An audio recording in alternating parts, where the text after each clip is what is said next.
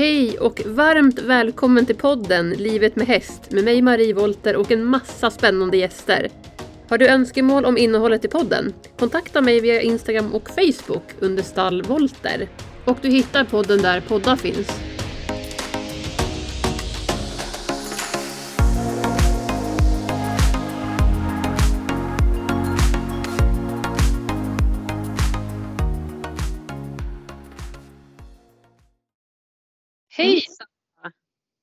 Hej Marie! Vad kul att du är med i podden. Välkommen! Ja, tack, tack så mycket. Du heter ju Sandra Skans. Du ska få berätta lite mer om dig själv här alldeles snart. Men vi kan ju säga så här att vi, du och jag är ju kollegor sedan ungefär ett år tillbaks inom hälso och skönhetsbranschen ju. Ja men precis. Det är ju så vi har lärt känna varandra. Och Ja. jag vet ju, du har ju egen häst och brinner för det här med relationen med din häst och har ju, du rider i halsring och allt möjligt blandat. Jättespännande och kul att se och inspirerande. Så jag frågade dig om du ville vara med i, i podden och det ville du ju. Så att jag tänkte att du ska få berätta lite om dig, din bakgrund och din filosofi. Du tränar ju också hästar och sådär med ju och har ju ditt företag bland annat. Så du ska också ska få berätta om. Så vem är Sandra egentligen? Först och främst så roligt att vara med, jättekul. Ja. Eh, Jag är ju, jag bor ju nere i Helsingborg och eh, jobbar på ridskola till vardags. Eh, på en ponnyridskola och eh, driver ju även då mitt eh, företag Skans Häst och Hälsa.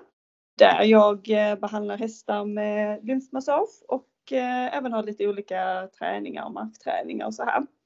Men eh, allting började ju egentligen när jag var sju år och eh, började i första klass och alla red utom jag på ridskola.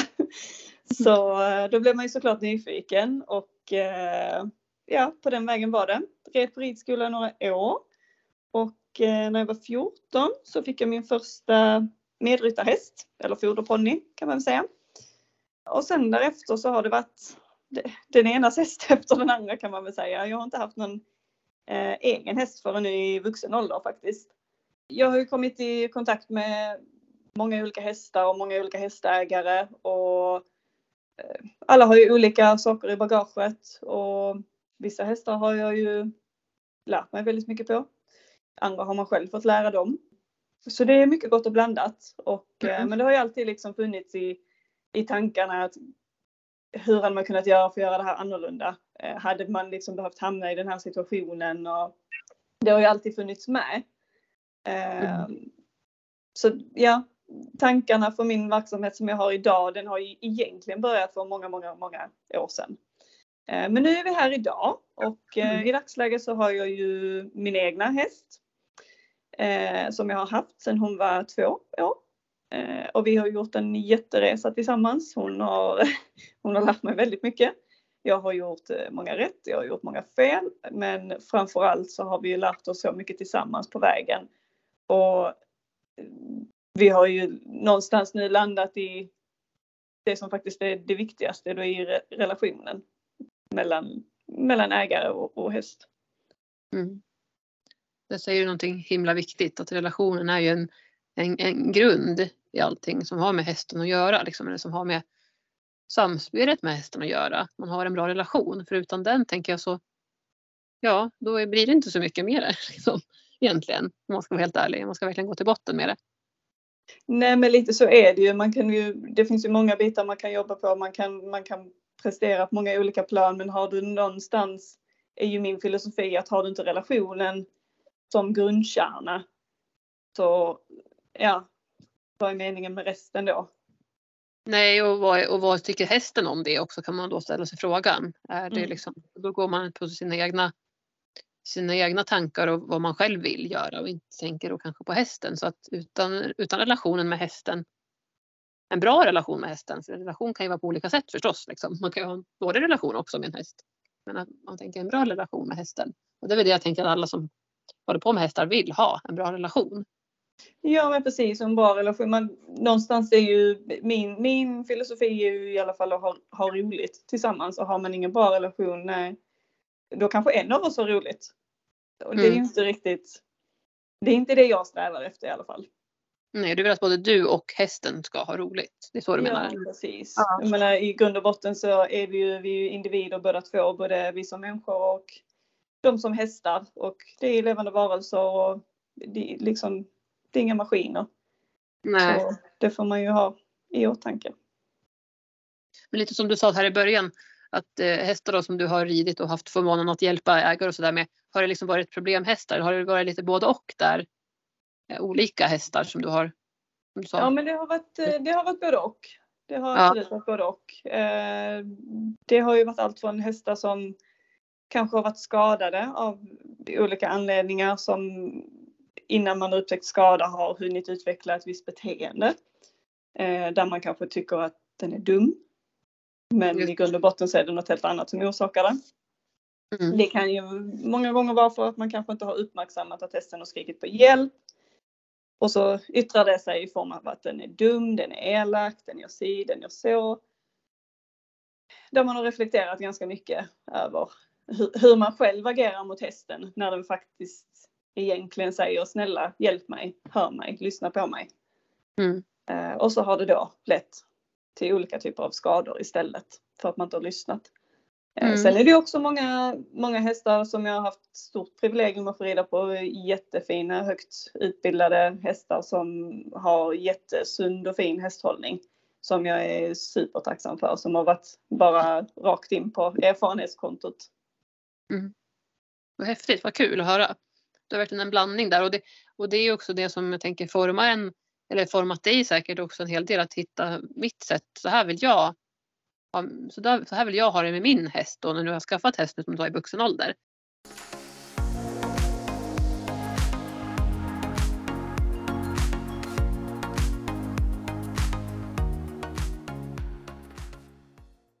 Men berätta lite mer om din häst då. Ja, nej men hon är ju, det är ju ett, eh, idag är hon åtta år, ett sto. Eh, jag köpte ju som sagt henne när hon var två. Trodde att jag hade superkoll på läget men eh, det är skillnad på att och sätta hästar och egen häst. Det har man lärt sig. där, där är ju så många mer bitar än att bara komma hem till någon och rida en häst och sen faktiskt ha en egen som du ja, när man tar hand om varje dag. Liksom, det ligger helt och hållet på ditt ansvar och tillgodose alla behoven.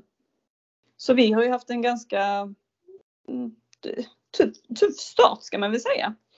Jag har gjort alla misstag man kan göra men jag har också lärt mig ofantligt mycket på den här lilla tjejen. Eh, I dag, dagens läge så eh, ja, men vi är ute och tävlar lite när vi, när vi tycker det är kul, när det funkar, när, vi, när man mår bra och är i balans och allt det här. Eh, just när man har en, en ung häst eh, som jag köpte så är det ju mycket med alla kriterier för unghästar, vad de ska klara som treåring, fyra, fem, sex, vad de förväntas göra och det är ganska tuffa krav för unghästar. Och jag, man är ju lite tävlingsmänniska så jag tog ju det på ganska stort allvar att ja, men nu är hon fem, hon ska klara det här. Eh, men någonstans på resans gång så insåg man ju ganska fort att men är det här rimligt? På, på vilka, alltså hur mycket får det kosta?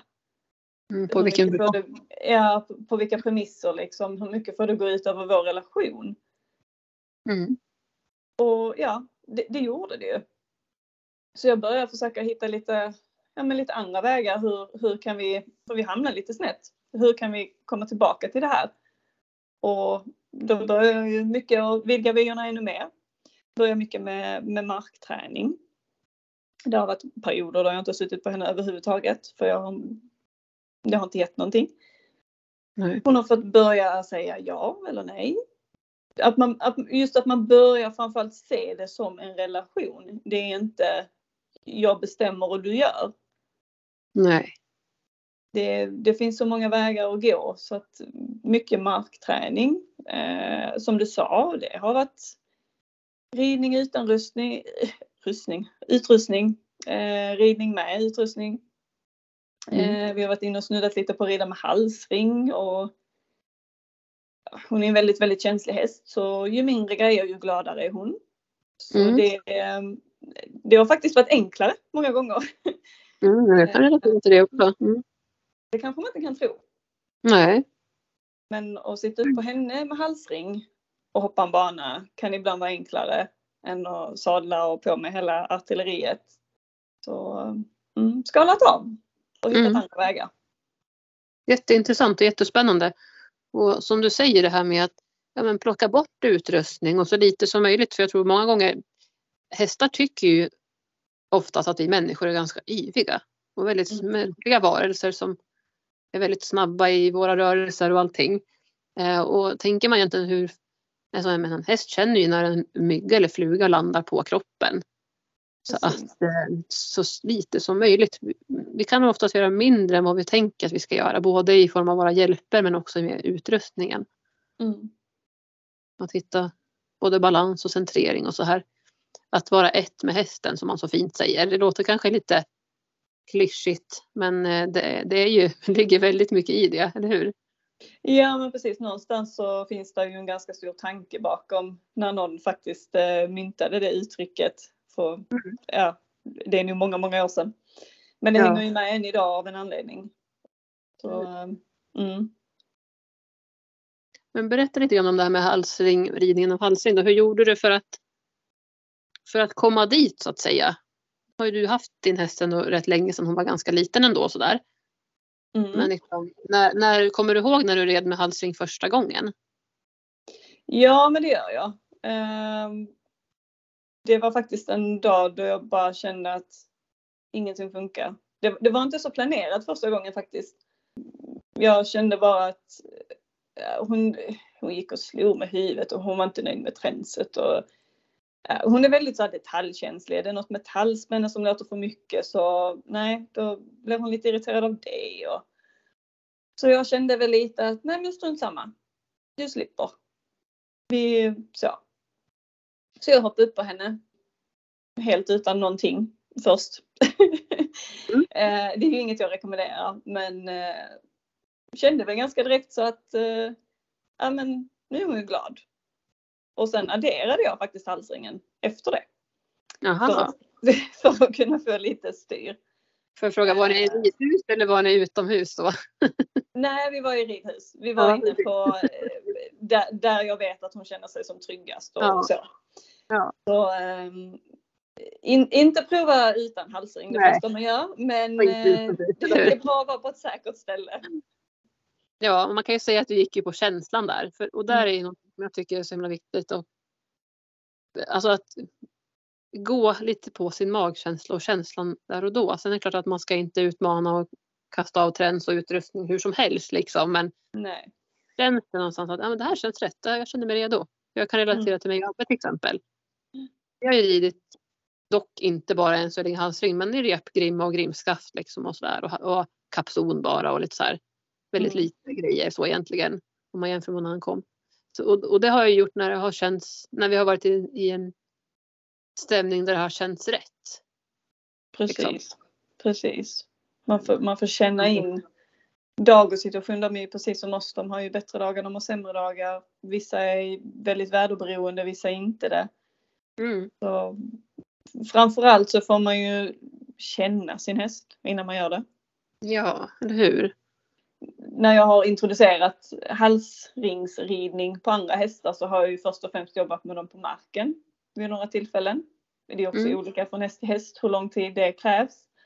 Hur ägaren har jobbat dem innan.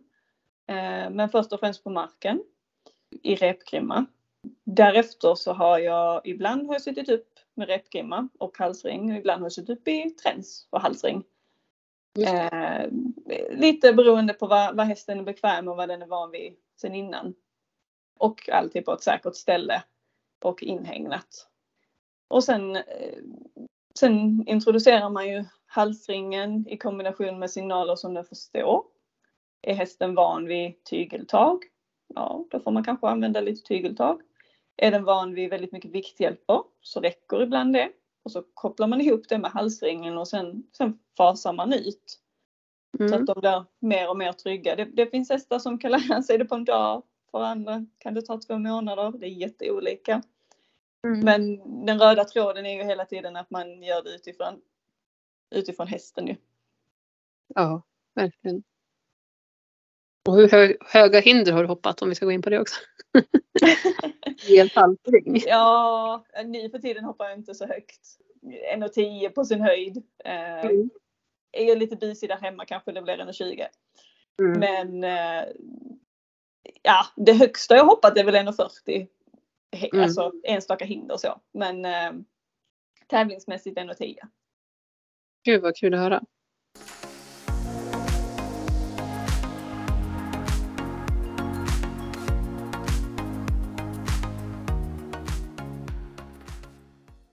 Och, eh, nej men berätta lite mer om ditt företag, då, din, din verksamhet, vad, vad du gör eh, i företaget. Ja, nej men eh, jag utför ju lymfmassage för häst. Ja. eller hästar. Och eh, sen så erbjuder jag ju även markträning och det är ju alltifrån hantering, lastning och så vidare. Är ju upps- uppsutten eh, träning så att säga.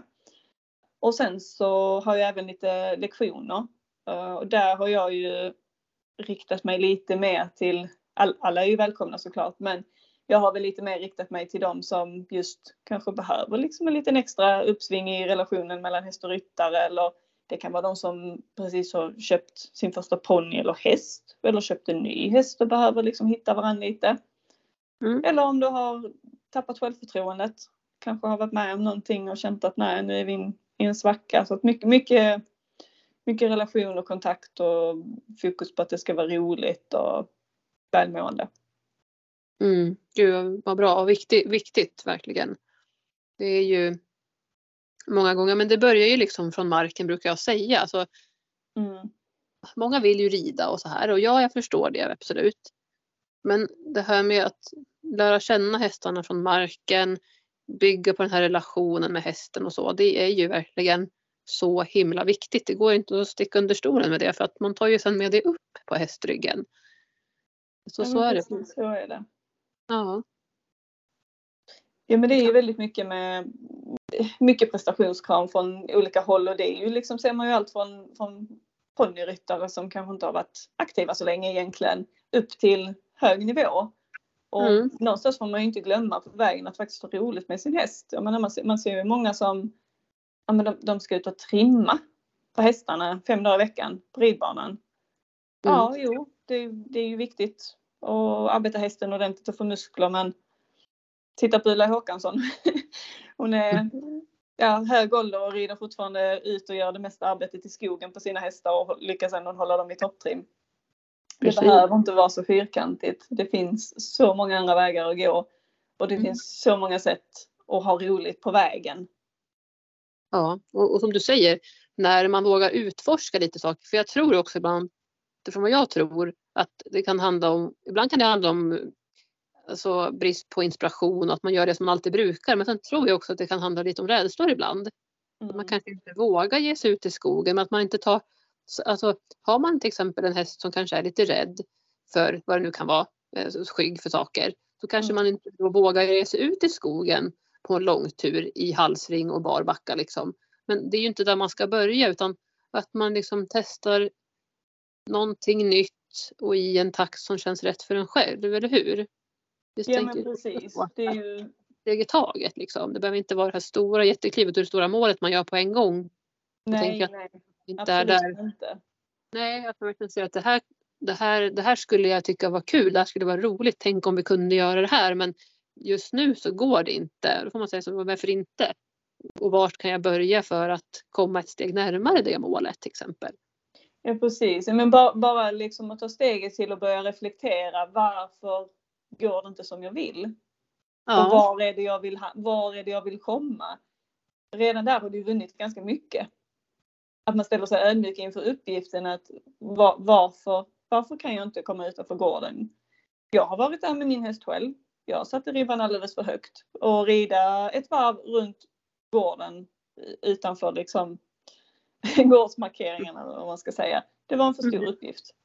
Mm. Uppsuttet. Mm. Så det, ibland kan man tycka, eller många gånger hör man ja men det ska bara gå. ja för som du sa, min häst är så här gammal eller Mm. men andra gör ju så, så då ska jag också kunna. Men att Mm. man släpper det här lite med prestationskrav. För att, som du sa, den prestationskrav det, det, ja, vi formas ju mycket av omgivningen och hur vi tror att det ska vara. Och så sätter Mm. vi de kraven på oss själva. Men Mm. återigen, för vem skull håller vi på med hästar? Den tror jag är viktigt att ställa sig den frågan. Varför håller jag på med hästar?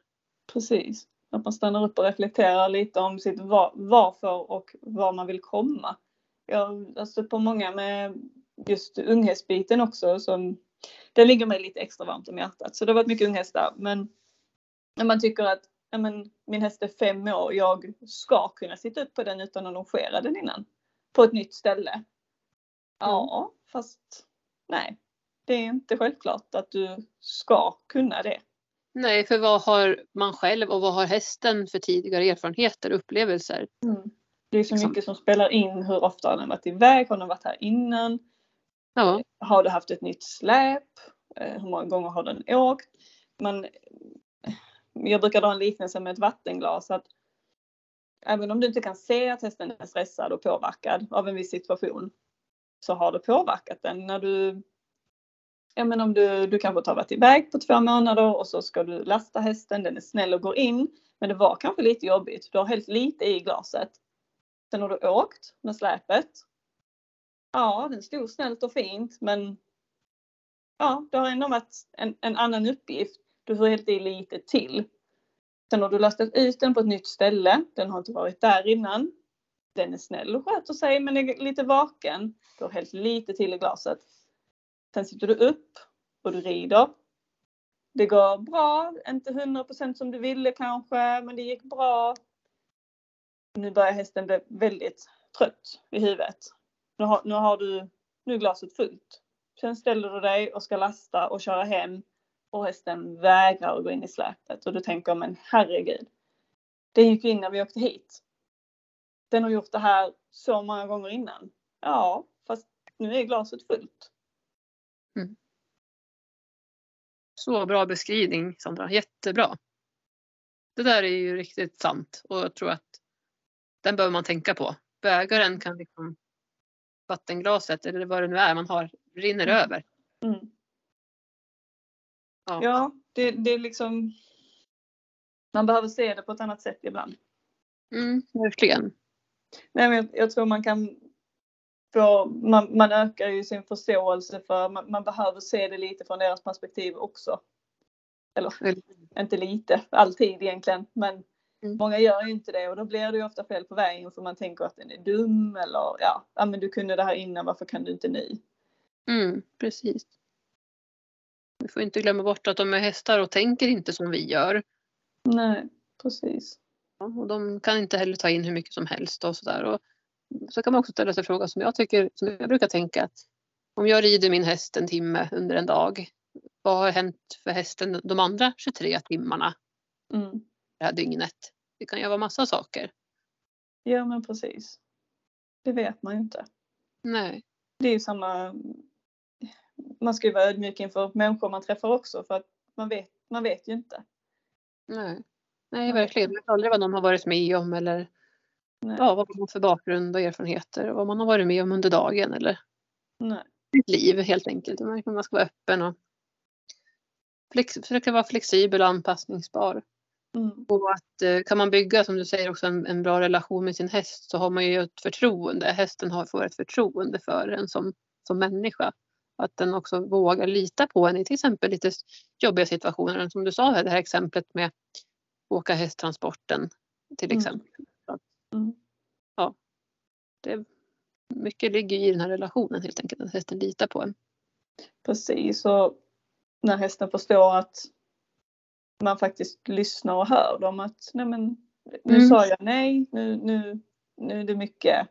De lyssnar och de backar och ja, de, de mötte mig på vägen. Då får ju Mm. hästen också förtroende ju.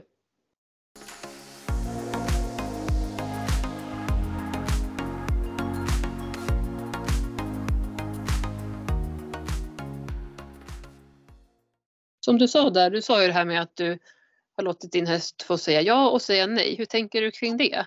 Kan du berätta lite mer om det? Ja, men det blir ju, vad ska man säga, det, det, det blir ju egentligen så mycket enklare för, för båda parterna, eller vad man ska säga. Eh, jag kan ta ett exempel nu som eh, jag vaccinerar henne. Och varenda gång hon blir vaccinerad så, så blir hon lite dålig. Hon får ont i kroppen och lite frossa och hängig och trött och så. Eh, nu har vi oturen att vaccinationen har infallit när hon har varit brunstig också två år i rad. Så det har varit lite extra jobbigt för henne. Och då är hon ju väldigt tydlig med att inget träns, ingen sadel. Mysa var nära, ja. Men helt och hållet på hennes premisser. Så då har hon fått vara lös på inhägnat område. Och själv fått välja. De första dagarna så parkerar hon bara så. Jag är nöjd med att bara vara här med dig. Nästa dag så, nej men jag följer med dig och är nyfiken på vad du gör och så, men jag vill inte göra så mycket. Två dagar senare, nej men då visar hon ju tydligt att hon vill ha en uppgift. Ja men ska vi inte gå bort och kolla på den här presenningen vi kanske brukar göra något med eller ja. Sådana grejer. Mm. Och sen efter ungefär en veckas tid så, ja men då, då är det helt okej okay när du kommer med, med träns och sadel. Ja, men ja tack, idag går det bra. Men om jag inte hade gjort det hela den här veckan. Nej men jag vill ha träns och sadel och skritta henne. Hon får inte bli svettig men jag, jag ska skritta hela veckan. Uppsuttet för det, det är mycket det är lättare och det är inte så jobbigt och jag slipper gå. Och då hade du ju du hade ju förstört så mycket de här sju dagarna i förtroendevägen. Så ofta vinner du ju på att ta liksom där stegen tillbaka. Det, nej, det kanske inte passar in precis i din plan vad du hade tänkt men du får igen det sen. Eller hur? Och som i ditt fall också, har man en häst som man har ägt ett tag och man, man vet att det här är återkommande, till exempel som du sa i, i vaccinationer, så, så då kan man ju planera för det också tänker jag. Säg att man tävlar, man kanske då mm. sen att, ja, men då, vet, då kan man, behöver man inte åka på någon tävling den här perioden när man vet att hästen kommer ha det lite jobbigare. Och jag tänker det är ju så här med pälsbyte och sånt också. En del hästar är jättekänsliga. Alltså min Abbe kan bli väldigt mycket mer känslig vid pälsbyte medan Herman inte någon speciell skillnad egentligen. Han är ganska jämn liksom i sitt humör och, mm. och i sin kropp. Um, men, ja, men det är också väldigt individuellt ju. Ja men det är ju det. Så att som du säger, lyssna in och låta hästen få säga. Alltså mm. välja. Mm. Men där är det ju också, de behöver ju få möjligheten att få säga. Mm. Precis. Men hur kan du säga lite mer hur du gör till exempel? För det, jag tänker, det är kanske inte alla som vet det. Hur ska jag läsa av hästen? Om den vill ja, eller inte. Ja men det är ju kroppsspråket. Eh, för mig kan jag ju, nu beror det ju på vad man har för förhållande och använda sig av men vi har ju ridhus och möjlighet att ha henne löst där. Och hon skulle aldrig liksom springa iväg och ja, plöja liksom. Ehm, hon väljer att vara hos mig om jag släpper henne. Men just när man har henne lös så har du du har ju gett henne hela förtroendet att säga ja eller nej. Hon kan helt och hållet välja om hon vill vara med eller inte vara med. Just. Eh, har man inte de möjligheterna, nej, du kan läsa av ganska mycket redan i hagen ofta. Vill de komma när du hämtar dem eller inte? När du ska gå in i boxen. Hur beter den sig då? Är den glad för att du kommer? Är den inte glad? Hur brukar den vara? Man får, man får försöka lära känna igen din hästs kroppsspråk. Så att ofta gör jag ju en bedömning redan när jag hämtar henne i hagen att jaha, hur är det idag? Vad vill vi göra idag? Precis och så märker du också, det kanske, kanske du ser också på stallgången när ni är i ordning, liksom också att du märker mm. på hur det är. Och, Ja men precis. Har det varit väldigt, kanske varit jättedisigt väder och det kanske har hänt något. Det kanske var någon sopbil som körde förbi precis innan jag tog in henne. Ja men då är det ju klart hon är, steppar under lite och är lite, lite småstressad. Ja men då kanske jag inte väljer att rida ut en runda där jag vet att hon tycker det är lite läskigt. Då väljer jag aktivitet efter något som hon brukar tycka är tryggt och känns bra och trevligt. Mm, att, man är, att man är schysst mot hästarna och att man inte tänker att jo men nu ska vi öva på det här idag för att det behövs för nu är hästen på det här humöret. Nu är hästen lite uppstressad så nu ska vi minsann träna på det här. Ja. Det är inte säkert att det kanske är ett tillfälle just där och då utan då kan det vara bättre att träna på det när hästen är mer avspänd till exempel och liksom lite mer tillfreds under den ja, dagen. Precis. Och jag tycker också det är väldigt viktigt att man går till sig själv också. Ja, men hur, hur mår jag själv idag? Har jag, ja, men jag har ont i huvudet, jag är väldigt trött. Jag är inte alert. Nej, men då kanske man också väljer aktivitet efter det. För det går väldigt ofta ut över hästen om man själv har en dålig dag och du väljer en uppgift som kanske är utmanande för er. Det blir ofta inte jättebra. Nej. Nej, det, det säger du helt rätt i. Om man till exempel vet med sig att man är förkyld och så tycker man att Nej, men jag borde rida eller jag borde träna min häst. Men då kan man ju ställa sig frågan som jag själv brukar göra när jag känner mig lite krasslig. Äh, men då, då rider jag inte den dagen. Det kan ju vara att vi Ja, ibland så har jag ju dagar där man känner att jag orkar inte ens gå, gå, gå ut tänkte jag säga. Då får maken mata liksom hästarna. Så kanske jag inte mm. ens är i stallet den dagen och det är så illa att man inte mm. orkar. Men att man i alla fall då inte anstränger sig själv och, och, för att man blir ju inte lika bra människa för hästen när man inte är, orkar liksom heller. Alltså, mm. på det där. Och sen så för att snäll mot sig själv framför allt. Ja men precis. Om man tänkt att man ska rida en tisdag och så vaknar man upp och är sjuk. Men då kanske man åker till stallet och pysslar om och står och borstar lite istället. Eller vad det nu kan vara man gör. Men att man kanske inte behöver ge sig ut och rida ett pass. Nej, men precis. Gör det. Hästen mår ju inte dåligt liksom, eller blir inte ledsen för att vi inte reder det passet idag. Utan... Nej, och det kan ju också vara, ligga lite där i just eh, prestationen man har. Att Mm. Ja, men den, den, måste gå sex dagar i veckan och det måste vara si och så. Ja, fast måste man det verkligen? Måste det verkligen det? Ja, precis. Mm. Har man råd till en dag där man inte gör det för att mm. Jag helt enkelt orkar inte idag. Mm. Jag får ha sådana dagar också. Dels lite svackor som jag vet att jag pratat om i podden tidigare här också. Liksom att man har sina svackor för det har ju alla. Mm. Oavsett hästmänniska eller inte. Man kan ju ja, man är inte mer än människa ju. Nej men precis, så är det ju. Jag menar någonstans så måste ju hälsa och välmående måste ju alltid gå före. Mm. Verkligen.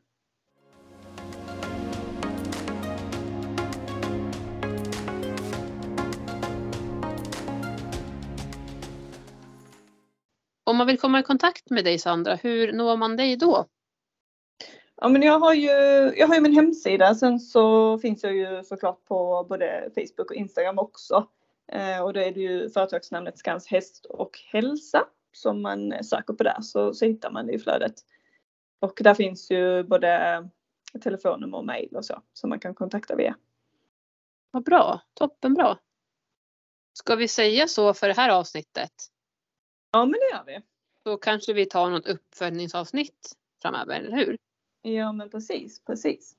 Och jag tänker att har man frågor nu till, till Sandra eh, om det vi har pratat om eller andra frågor så går det precis som Sandra sa bra att kontakta henne men det går också jättebra att skriva till mig här på, på till podden på Stallvolter på Instagram och Facebook eh, och ställa frågor till mig som jag också kan framföra vidare till Sandra. Vi kan ta det i ett uppföljande avsnitt eller om du har några önskemål på vad ni vill att Sandra ska prata mer om med mig i ett avsnitt framöver så går det jättebra att höra av sig till både mig och Sandra. Ja men precis. Så tusen tack Sandra för att du var med och gästade podden. Så himla kul. Ja men tack själv. Så, så hörs vi kanske snart igen. Det gör vi. Ta hand om dig. Ha det så bra allihopa. Detsamma. Hej hej. Hej då.